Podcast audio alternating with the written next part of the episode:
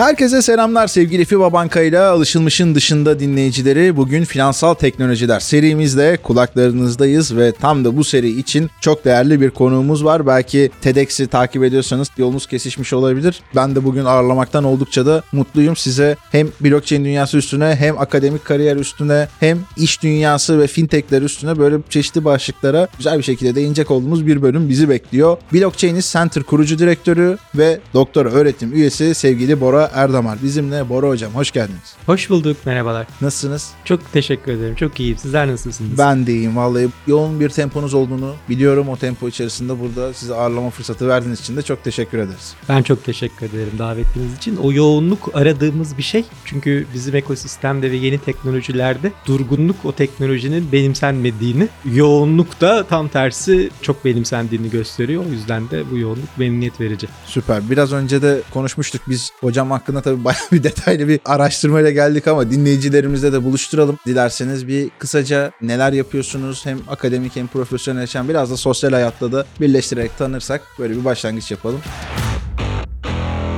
Matematik bölümü mezunuyum aslında ve oradan sonra işler tabii çok farklı yerlere gitti ama bunun temellerini de ben yine üniversite hayatına bağlayabileceğimizi düşünüyorum. Çünkü henüz matematik bölümü öğrencisiyken bir sürü farklı şeylerle de ilgilenmeye çalıştım ve şunun farkındaydım bir daha vaktim olmayacak farklı işlerle uğraşmaya. O yüzden dinleyicilerimizin arasında üniversite öğrencilerine hitap etmek adına şunu söylemek isterim. Bu yıllarda neler yapıyorsanız hiç ummadığınız koşullarda, hiç ummadığınız şartlarda bunlar size yolsa elektrik olarak geri dönebiliyor. Bunu söylemek istedim matematik bölümün mezuniyetinden sonra zor bir karardı ama akademisyen olmaya karar verdim. Zor karardan kastettiğim kafam karışıktı. Hatta bazı hocalarım da kafan karışıksa hiç akademisyen olma boş ver falan demişti. Bir şekilde işte karşıma çıkan hocalarımın da etkisiyle akademik kariyer yolculuğum başladı. Bununla beraber yaklaşık 12 sene kadar yurt dışı deneyimi, farklı ülkelerde, farklı üniversitelerde bulunma fırsatını verdi ki sayeden çok memnunum bundan. Hem dünyayı gezme, hem dünyayı görme, hem de orada işbirlikleri yapma fırsatı buldum. Karşılaştırma fırsatım oldu. Şu dönemlerde de biliyorum pek çok kişi özellikle bizim üniversitede de pek çok öğrenci mezun olayım da bir an evvel yurt dışına gideyim diyor. Bunu anlıyorum ve gidilebilir gitsinler ama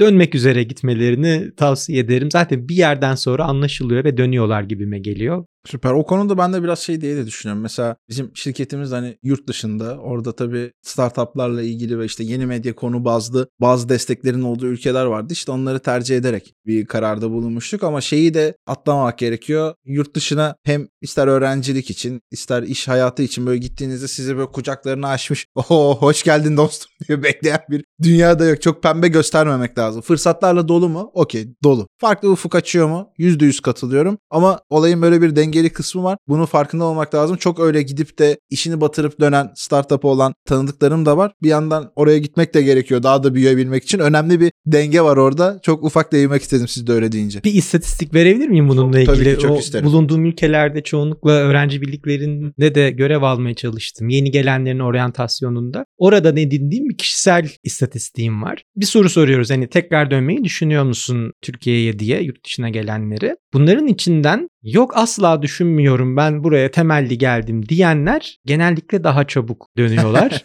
Ben dönmeyi düşünüyorum. Yani burada işte 2 senelik, 3 senelik eğitimim için ya da bu proje için buradayım sonra döneceğim diyenler de daha çok kalıyor. Bu bence enteresan. İşte bence o dengeyi tutturabilme ve çok keskin hareketler yapmama ile ilgili bir sonucu varmış gibi geliyor. Çok başka bir konu ama bence buralarda da önemli bir başlık olduğu için siz de değinince bir girmek istedim. Şimdi hocam akademik açıdan çok farklı alanlarda çalıştığınız işte dediğiniz gibi farklı üniversiteler vesaireler var. Bunlar kariyer yolculuğunda sizi olumlu bir etkisi olduğu aşikar ama nerelerden nasıl beslendiniz aslında birazcık buralara da bir değinerek şöyle soft bir başlangıç yapalım. Tabii memnuniyetle. Şimdi üniversitedeki eğitimim süresince ben ekonomiye meraklıydım. Bir sürü ekonomi bölümü dersi de almıştım. Bilgisayar mühendisliğine de meraklıydım. Birkaç kodlama dersi de almıştım. Bunları o zaman ben tam ne için yapıyorum bilmiyorum ama hoşuma gidiyor, ilgileniyorum. Biraz da bir göreyim diye bu konulara yaklaşıyordum. Sonra işler ciddileşti. Benim doktoradaki çalışmalarım da matematiksel iktisat diyeceğimiz bir alan üzerineydi. Oyun teorisi üzerineydi ki çoğunlukla John Nash üzerinden ülkemizde tanınır. Beautiful Minds diye bir film vardır akıl oyunları. Bu aslında alan şunu söyler. Yani hepimiz rekabetçi bir dünyada yaşıyoruz. Bir yandan da işbirliği yapmamız gerekiyor. İşte bunun dengesi biraz kaçabiliyor bazen. Çok fazla rekabetçi olduğunuzda işbirliği fırsatlarını kaçırıyorsunuz. Çok işbirliği üzerinden gittiğinizde de kendi yapmak istediklerinizi ve hakkınızı hayatta alamayabiliyorsunuz. Bunun bir ince çizgisi var. İşte o ince çizginin bulunması konusunda bir literatür var. Akademik bir literatür gibi görünmekle beraber benim nacizane görüşüm gündelik hayata en çok katkısı olan, gündelik hayatla en çok ilişkili alanlardan bir tanesi oyun teorisi ve onunla ilişkili mekanizma tasarımı teorisi. Pratikte bu benim seçim sistemleri üzerine öncelikle ilgi duymamı sağladı. Ben çok uzunca bir süre 3 kişilik bir ekip nasıl ortak karar alabilir? Hatta 2 kişi bir hani çift düşünün. Bu çift cuma akşamı nereye gideceğiz konusunda bile tartışabiliyorlar. Birisi şuraya gidelim diyor. Teki buraya gidelim diyor. E burada kavga çıkmaması için uzlaşı lazım. Bu nasıl olabilir? Yani iki kişi de başlayan bu sorun takdir edersiniz ülke genelindeki seçimlere düşündüğümüzde milyonlarca kişinin bir uzlaşısı, ortak noktası. Birileri mutlu olacak, birileri mutsuz olacak. Peki bu uzun vadede acaba çözülebilir mi gibi sorularla ilgilenmemi sağladı. Oradan da enteresandır. Giderek işin önce teorik kısmıyla, kurgusal kısmıyla başlayıp böyle yeni nesil seçim sistemleri dizayn edip biz biraz unutabiliyoruz. Sanki tek tip bir seçim sistemi, oylama sistemi varmış gibi düşünüyoruz ama mesela hepimiz herhalde Eurovision'un seçim sisteminin bizim bir şekilde genel seçimlerden farklı bir kuralı olduğunu biliriz. Orada ülkelere puanlar verilir. O puanlar verildikten sonra işte en yüksek puan alan ülke birinci seçilir. Ha şunu da biliriz. O seçimlerde hep işte bazı ülkeler bazı ülkeleri kayırır çeşitli biz manipülasyon dediğimiz işler döner oylama sisteminin içinde. Bir yandan da o kadar çok sadece tek bir ülkeye değil de birden fazla ülkeye skor atayabilmenin sizin tercihlerinizi daha rahat ifade etmenizi sağlayan esnekliği var. Buradan bile anlaşılıyor aslında. Siz insanların tercihlerini, fikirlerini daha rahat ifade etmesine izin verdiğiniz zaman bir risk var, manipülasyon dönebiliyor orada. Var mıdır acaba bir oylama sistemi? Hem insanlar fikirlerini ve adaylar üzerine tercihlerini daha rahat ifade etsinler, yansıtsınlar. Bunu daha rahat ölçsün o oylama sistemi. Hem de manipüle edilemesin. Gerçek fikirlerini yansıtabilsinler. Bu az önce bahsettiğim soru içinde 3 tane Nobel ödülünün olduğu bir literatür aslında. Ve ben buradan yurt dışındaki hocalarımla da en son Kolombiya Üniversitesi'ndeki hocamla beraber bir oylama yöntemi dizayn ettik ve bunu hemen denemek istedik. Ve burada da şununla karşılaştık ki bir bizim bu kağıt kalemle yaptığımız oylama sistemi bu tarz yeni nesil daha iyi performans gösteren oylama sistemlerine çok uygun değil. Dijitale geçmemiz lazım. Bu dijitale geçince işlerin daha ilerlemesi, daha verimli olması sadece oylama sistemlerinin değil artık biliyoruz ki hepimizin hayatının kesişiminde olan bir konu. Dijitalleşmeye geçtiğinizde de hemen sonrasındaki soru peki bu kadar dijital veriyi biz nasıl yöneteceğiz? Nerede tutacağız? Bu dijital veri üretimi ve paylaşımı nasıl olacak? İşte bunlar da beni blockchain teknolojisine getirdi açıkçası. Bu yolculuğu muhteşem anlattınız. Ben şunu çok severim bazı bu tarz o kariyer kesişimlerin anlatıldığı içeriklerde işte şunu yaşıyoruz. Üniversitede şöyle şöyle yapıyordum. Orada da işte yoluma karşıma bu çıktı. İşte günün sonunda da ben de buraya geldim. Bu nedensellik ilişkisi podcast dinleyicisinde böyle bir şey de var. Yani bir şeyleri kendini anlamlandırmaya çalışıp oradan bir patika çizmeye çalışan bir yaklaşım ortaya koyuyor. Biz de bunu bir sürü kendi araştırmamızdan da topluluğumuzdan da oradan buradan bir sürü kanaldan da biliyoruz aslında. Bu anlatım tarzı çok değerli bir podcast örneği. O yüzden dinleyicilerimiz için de bir not olması adına altını çizmek istedim. Siz lütfen devam edin hocam. Blockchain'de buluştuk. Şimdi blockchain'de buluştuktan sonra ilk dikkatimi çeken yani bu teknolojiyi daha iyi anlamaya çalıştığımda benim abi baktım işte matematik bölümünde mesela sayılar teoremi dersi vardır. Ben bu dersi niye aldığımı anlamamıştım. Kriptografi vardır. Niye aldığımı anlamamıştım. İşte biraz zoraki C++ öğrenmiştim. Niye öğrendiğimi anlamamıştım. Benim halen daha da anlamadığım bir sürü dersim var bu arada. Sizde de var mıdır halen de anlamadığınız kaldı? Kesinlikle öyle ama şu da şaşırtıcı. İşte o anlamadığım derslerden bir şekilde o gelen kulak dolgunluğu sizin bir aynı zamanda ön sezinizi geliştirmeye, vizyonunuzu geliştirmeye katkıda bulunuyor. Yani koku alabiliyorsunuz. Ve ben o blockchain teknolojisiyle ilk karşılaştığımda ki epey yıllar öncesine tekabül eder. Yani daha Ethereum yoktu 2015 yılında çıkan. Kabaca işte 2008 Bitcoin'in çıkışı ise ben de 2010 yılından itibaren bu işlerle ilgiliydim. Ve hani çoğu kişinin teknik bulduğu ya bundan fazla teknik bu işler anlaşılmaz buralardan bir şey olmaz denilen yerde bu konunun gidebileceği çok büyük yerler olduğunu hissetmiştim ve o hissiyatımın şimdi doğru çıktığını görmekten de çok mutluyum. Bunu da işte zamanı da ya ben böyle bir şey yaptım ama niye yaptım acaba diye sorduğum yerlerde cevabını buluyorum. O yüzden bazen güvenmek gerekiyor açıkçası içinde bulunduğunuz koşulların siz göremeseniz bile ileride büyük kapılar açabileceğini. Harika. Peki burada işte fintech ve blockchain tarafında bir yandan belki burada blockchain center tarafına da geçiş yapabiliriz ama oradaki bu uzmanlaşma süreci nasıl oldu? Yani kendiniz akademik araştırmalara mı devam ettiniz? Bunlardan bazılarının cevabını biliyorum da açalım diye aslında bu şekilde soruyorum. Bir yandan iş dünyasıyla bunları nasıl kesiştirdiniz? Çünkü temel problemdir ya yani ya çok akademide kalır ya çok pratikte kalır, deneysellikte kalabilir. Bunlar bir türlü bir kesişime ve birbiriyle Voltron oluşturacak bir enerjiye bir türlü gidemezler. Yani ülkemizde böyle çok negatif örnek vardır. Sizde burada pozitif değerler taşıyan şeyler var. Biraz oraları açalım istiyorum. Çok teşekkürler. Şimdi burada tabii Blockchain Center'ı ilk kurmayı düşündüğümde şunu varsaymıştım. Neticede dünyada diğer üniversitelerde de benzer araştırma merkezleri olacak. Bu konularda bilgi birikiminin oluşturulması gerekecek, araştırmalar yapılması gerekecek. Dolayısıyla ilk etaptaki düşüncem akademik bir merkez olması yönündeydi. Sonra fark ettim ki bir akademik merkezin üretimde bulunabilmesi için haliyle araştırmacılar lazım. Yok o araştırmacılar yani sadece Türkiye'de yok dünyada da yok. O zaman ne yapmak lazım? Tabii başta eğitimle başlamak lazım ve önce lisans dersleriyle, sonra yüksek lisans programıyla, sonra sadece üniversitede de değil, çeşitli derneklerle birlikte yürüttüğümüz Habitat Derneği bunun başında gelir bu arada. Eğitim programlarıyla biz bir yanda önce burada büyük bir insan kaynağına ihtiyaç duyulacak. Bunu yetiştirmeye başlamamız lazım önceliğine büründük pandemi öncesine denk gelir. Habitat'la beraber Türkiye'nin ilk blockchain okulunu kurduk. İstanbul Blockchain Okulu ve bu proje aynı zamanda İstanbul Kalkınma Ajansı'ndan da desteklenmiştir. Sanayi ve Teknoloji Bakanlığı'ndan desteklenmiştir. 2018-2019 yıllarından bahsediyoruz. O dönem için bence çok öncü bir projeydi. Yani dünyada da çok fazla benzer örneği yok. Kamunun da desteklediği bir şekilde çeşitli kurumların bir arada bu işe el verdiği proje örnekleri dünyada da çok azdı o dönem dönem. Ve o okuldan mezun olanlar şu anda ne mutlu ki Türkiye'deki kripto ekosisteminde çok önemli roller üstlenmiş durumdalar. Bir kısmı yurt dışında çeşitli bu alanın öncü projelerinde görev alıyor. Bir kısmı Türkiye'de bağlı bulundukları kurumlarda kendi çalışma ekiplerini kurdular. Bu açıkçası hele içinde bulunduğumuz şu dönemde birazdan konu oraya da gelir. Artık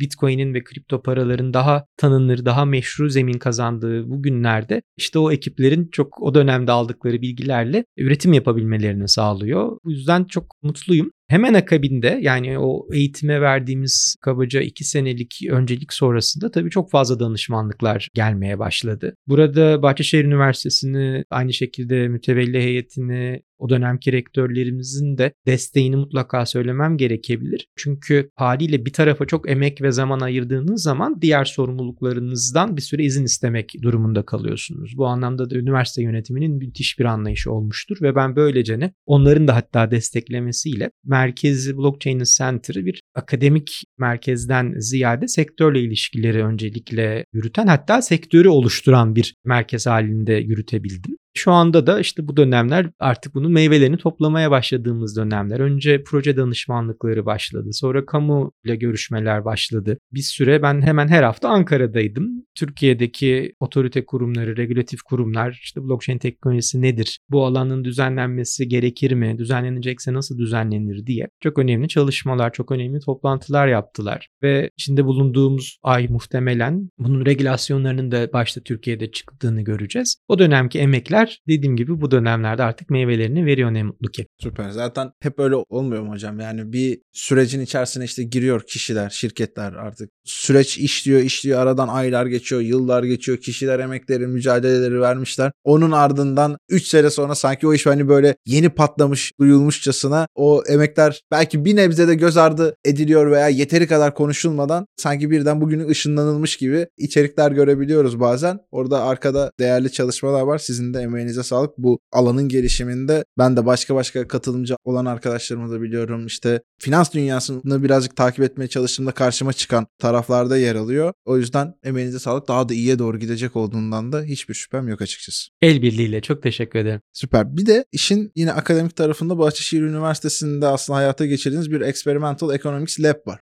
Bu yapının kuruluşuyla ilgili motivasyonunuz nedir? Öğrenciler bu konuya nasıl yaklaşıyor? Hani böyle bir finansla laboratuvar kültürü hani yan yana getirince akılda neyi nasıl oluşturmalıyız açıkçası birazcık onu merak ediyorum ve finans sektörü içinde yine bunun sağlamış olduğu ne gibi avantajlar var? Şimdi eski bir matematikçi olarak diye başlayayım. Teori kısımları, kurgu kısımları çok zevkli ve çok derin bir alan ve hayatını tamamen o alanda geçiren çok değerli bilim adamlarımız, araştırmacılarımız var. Bir yerden sonra biraz hayatın getirdiği dinamiklerle başta paylaştığım gibi bu farklı üniversitelerde farklı ekolleri gördükçe ilgi alanında olan kuramların, teoremlerin, teorilerin pratikte ne kadar test edildiğini daha da çok merak etmeye başladım. Deneysel ekonomi alanı ve hatta deneysel finans alanı ya da davranışsal finans alanı tam bu bizim akademik literatürdeki kuramların pratikte ne kadar uyup uymadığını, ne kadar gerçekleşip gerçekleşmediğini test etme alanları. Dolayısıyla bizim laboratuvar dediğimiz yerler aslında çeşitli ekonomik modellerin pratikte bayağı insanlarla onları bir deneysel ortama sokup bu deneysel ortamda çoğunlukla onların birbiriyle etkileşim içinde olması demek. Yani çeşitli ekonomik durumların mesela bir müzayede sistemi ortamının ya da bir seçim sistemi ortamının ya da bir finansal sistemden bahsediyorsak onların risk tercihlerinin birbirini etkileyecek şekilde bir sanki market ortamı, bir piyasa ortamının simüle edilmesi demek. Ve biz onların o simülasyonda nasıl davrandıklarını görebiliyoruz ve o sonuçların teorideki öngörülerle ne kadar örtüştüğünü, ne kadar farklılaştığını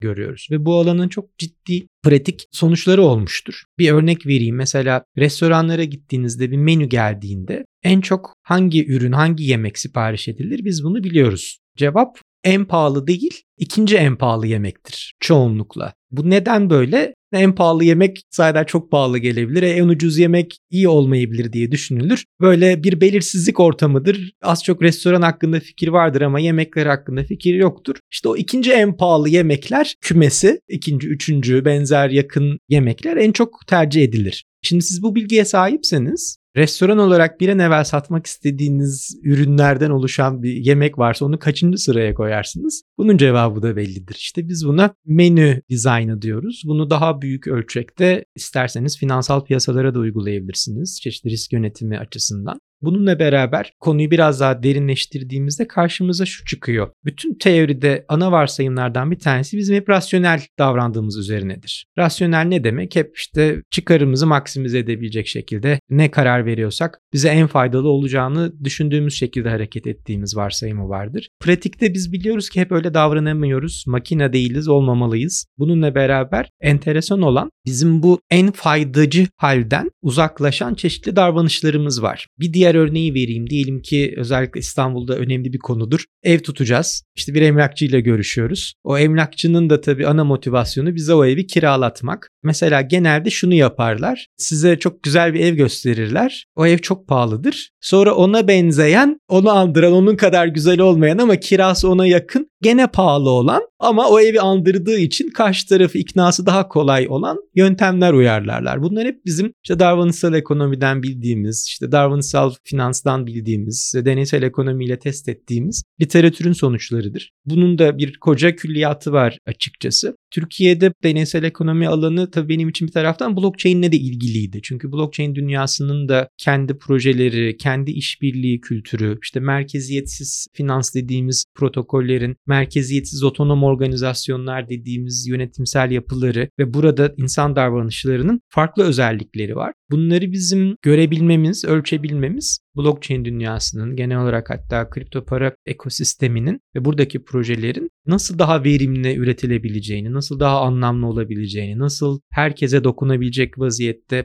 dizayn edilebileceğini bize göstermiştir ve gösterir. Bununla beraber tabii diğer önemli konu da yeni alternatif teknolojilerin, alternatif finans dünyasının yerleşik, konvansiyonel bu anlamda profesyonellikle de eş anlamlı düşünebileceğimiz finansal kurumlarla ilişkisi nasıl kurulmalıdır? Bunlar üzerine çalışmalarımız oldu. Hala daha da devam ediyoruz. Süper hocam. Yavaş yavaş böyle bölümün sonuna doğru da geliyoruz. Özellikle değinmek istediğim tarafta bu işin kurumlarla olan ilişkisi nasıl olacak? Pek çok yerde de konuşuluyor bu arada. Pek çok kurumun da görece zaman zaman gündeminde. Sadece bazen reklamasyona kaçan PR amaçlı yapılan çalışmalar olduğunu da görüyoruz. İşte biz meta dünyasını işte böyle kullandık, blockchain'i böyle kullandık falan ama bu konular ne zaman B2C diye tabir edeceğim ama aslında nihai tüketiciye de tam anlamıyla bir çözüm sunar ve yalnızca o teknolojiyi kullanmak için değil. Pek çok yerde böyle bir hata da yapılıyor. Yani yapay zeka teknolojimiz halbuki yapay zeka gerek olmayan bir ürün ortada veya blockchain daha havalı, fancy geldiği için kullanılıyor ama bunun ihtiyaca dönük bir şekilde sahayla buluştuğu örnekleri ne zaman görmeye başlayacağız? Siz büyük ölçekli kurumlarla da bu konuda yan yana geliyorsunuz. Genel yaklaşım ne şekilde, nasıl ilerliyor? Bir de ne yapmalıları da belki sonuna ekleyelim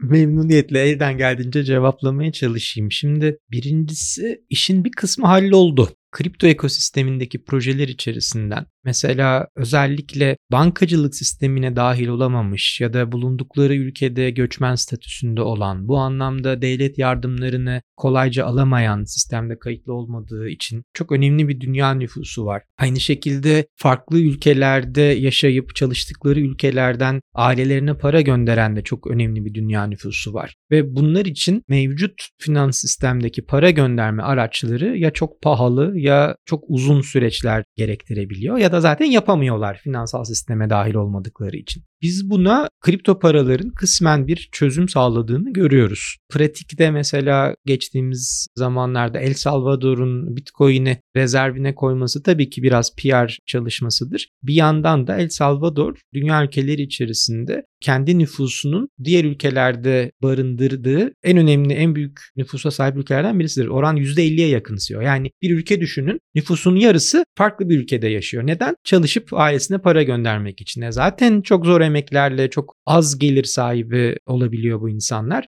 Ailelerine para gönderirken çok yüksek komisyon oranlarının ödenmesi uluslararası para transferlerinde bir verimsizlik yaratıyor. Bir diğer konu kısmen yine çözülmüş olan inanılmaz bir şekilde dünyada artık iş dünyası startup ekosisteminden besleniyor. Startuplar özünde iyi bir fikre sahip olduklarında bu fikrin kabul edilmesi, kabul görmesi ve fon bulabilmesi için çok önemli zorluklar ve bariyerle karşılaşıyorlar. Bu bariyerlerin aşılmasında da bir eğer değerli fikriniz varsa bunun insanlara sunulmasını kolaylaştıran, onlardan bu anlamda fon bulunmasını kolaylaştıran, yani bir değerli fikrinizin tabiri caizse kamuya mal olmasını kolaylaştıran bir işlevi de oldu bugüne kadar kripto para ekosisteminin ve blockchain projelerinin. Biraz bundan sonrasında da biz zaten özellikle merkeziyetsiz finans protokollerinin, merkeziyetsiz uygulamaların arttığını görüyoruz. Bunlar şu zamana kadar vaat edilenlerin kısmen tamamlandığını gösteren örnekler. Bir yandan da tabii geleneksel finans kuruluşları ve bankalar haliyle mesafeli durdular. Çünkü pek çok konu gri alanda. Regülasyonu yok, düzenlemesi yok. Hatta bir de üstüne kripto ekosistemini suistimal eden projeler, kişiler olduğunca biz hele geçtiğimiz iki sene içerisinde işte ya iflaslar ya dolandırıcılıklar ya işte kara para aklamalar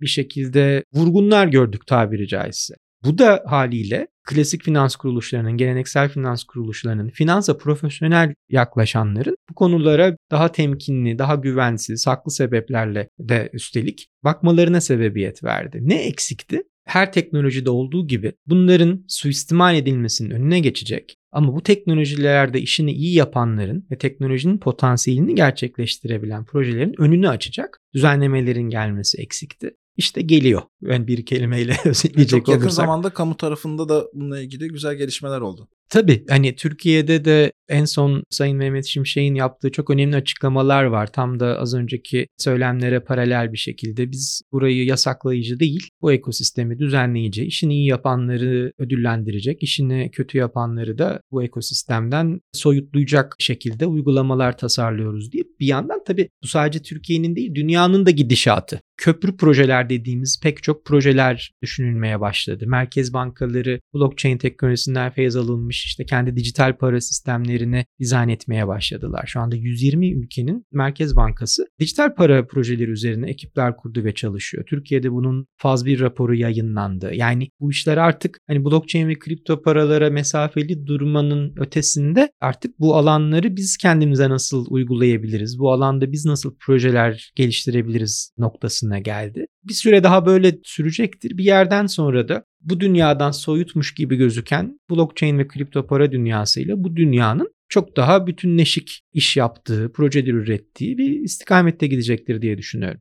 Peki hocam sizi bulmuşken son olarak da şunu sormak da istiyorum bir yandan. Bu konulara yeni yeni yönelmek isteyen işte üniversite öğrencileri, yeni mezunlar veya üniversiteden mezun oldum işte diyelim ki yüksek lisans yapıyorum bir yerde yarı zamanlı çalışıyorum çalışmıyorum veya kariyerimi değiştirmek istiyorum. Yani herhangi bir şekilde bu alanlara doğru beni götürecek bir patika çizmek istiyorum kendime diyen arkadaşlara neler tavsiye ediyorsunuz? Konuyu nereye doğru nasıl götürmeliler? Her şey ilgiyle başlıyor. İlgi demek siz zamanınızı bu işlere ayırmak istiyorsunuz demek. Buna karar verdiyseniz sonrasında biraz disiplin gerekiyor herhalde. Yani bunun böyle sadece bugünlük bir heves değil en azından bir 6 ayınızı 7 ayınızı ayırmaya karar verdiğiniz bir hale dönmesi gerekiyor. Yani o ilginin bir karara dönüşmesi gerekiyor. Bunu da yaptıktan sonra çeşitli kaynak bulmak gerekecek. Yani bilgi kaynakları bulmak gerekecek. Hiç olmadığı kadar şanslı bir dönemde olduğumuzu düşünüyorum bilgiye ulaşmak açısından. Yani ücretsizinden profesyonel programlarına kadar. Bir şekilde herkese açık online eğitim platformlarından üniversitelerin sunduğu sertifikalara kadar. Yelpaze çok geniş. Hele blockchain ve kripto paralar doğasında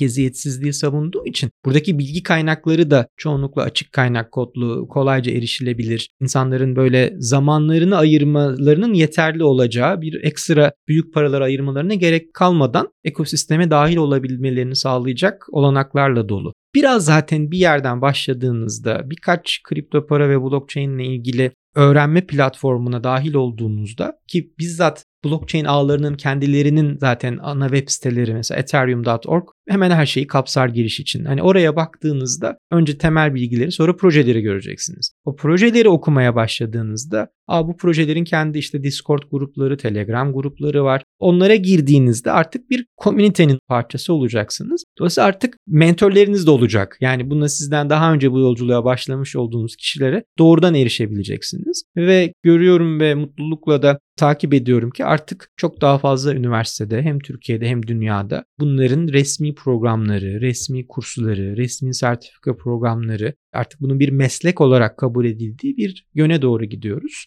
İlginiz varsa gerisi gelecektir. Bu bana birazcık şeyi de anımsattı bölümün başında hani ben de kapanışta onunla ilgili yine bir iki cümle daha etmek istiyorum ama alakasız derslerden hala ne işe yaradığını tam anlamadığımız derslerden ama onların bize minik minik bir şeyler kattığından da bahsetmiştik ya hocam. Sanki bu küçük veya tam bir şey çıkacak mı çıkmayacak mı ya diye tedirgin olmaktansa bir adım atalım. Yola bir gidelim bakalım. Orada minik minik cebimizi doldurmaya, kendimizi orada o gerekli donanımla kuşatmaya sanki yol zaten bizi götürüyor olacak. Yeter ki kararlı ve disiplinli olalım yani. Çok katılıyorum. Hani zamanınızı ve emeğinizi ayırmak tabii akıllı istiyorsanız. oynamakta da fayda var yani. Hani Yani şimdi şunu da söyleyeyim. Şimdi soyut cebir işte kriptografi, sayılar teorisinden çok daha hızlı bir şekilde blockchain'deki bilgi, kripto para bilgisi kendi kendisini amorti ediyor. Yani onu da bir vurgulamak lazım. Yani o ayrımı yapalım. Yani blockchain teknolojisinde ve genel olarak teknolojiye dair dersler çok böyle ben bunu niye alıyorum diye düşündürtmüyor insanı diye varsayıyorum. İlginiz varsa gerçekten gerisi geliyor. Süper hocam sizde var mı başka yeni projeler, girişimler sizi böyle başka bölümlere davet etmelik içerik konu çıkar mı diye bakıyorum bir yandan.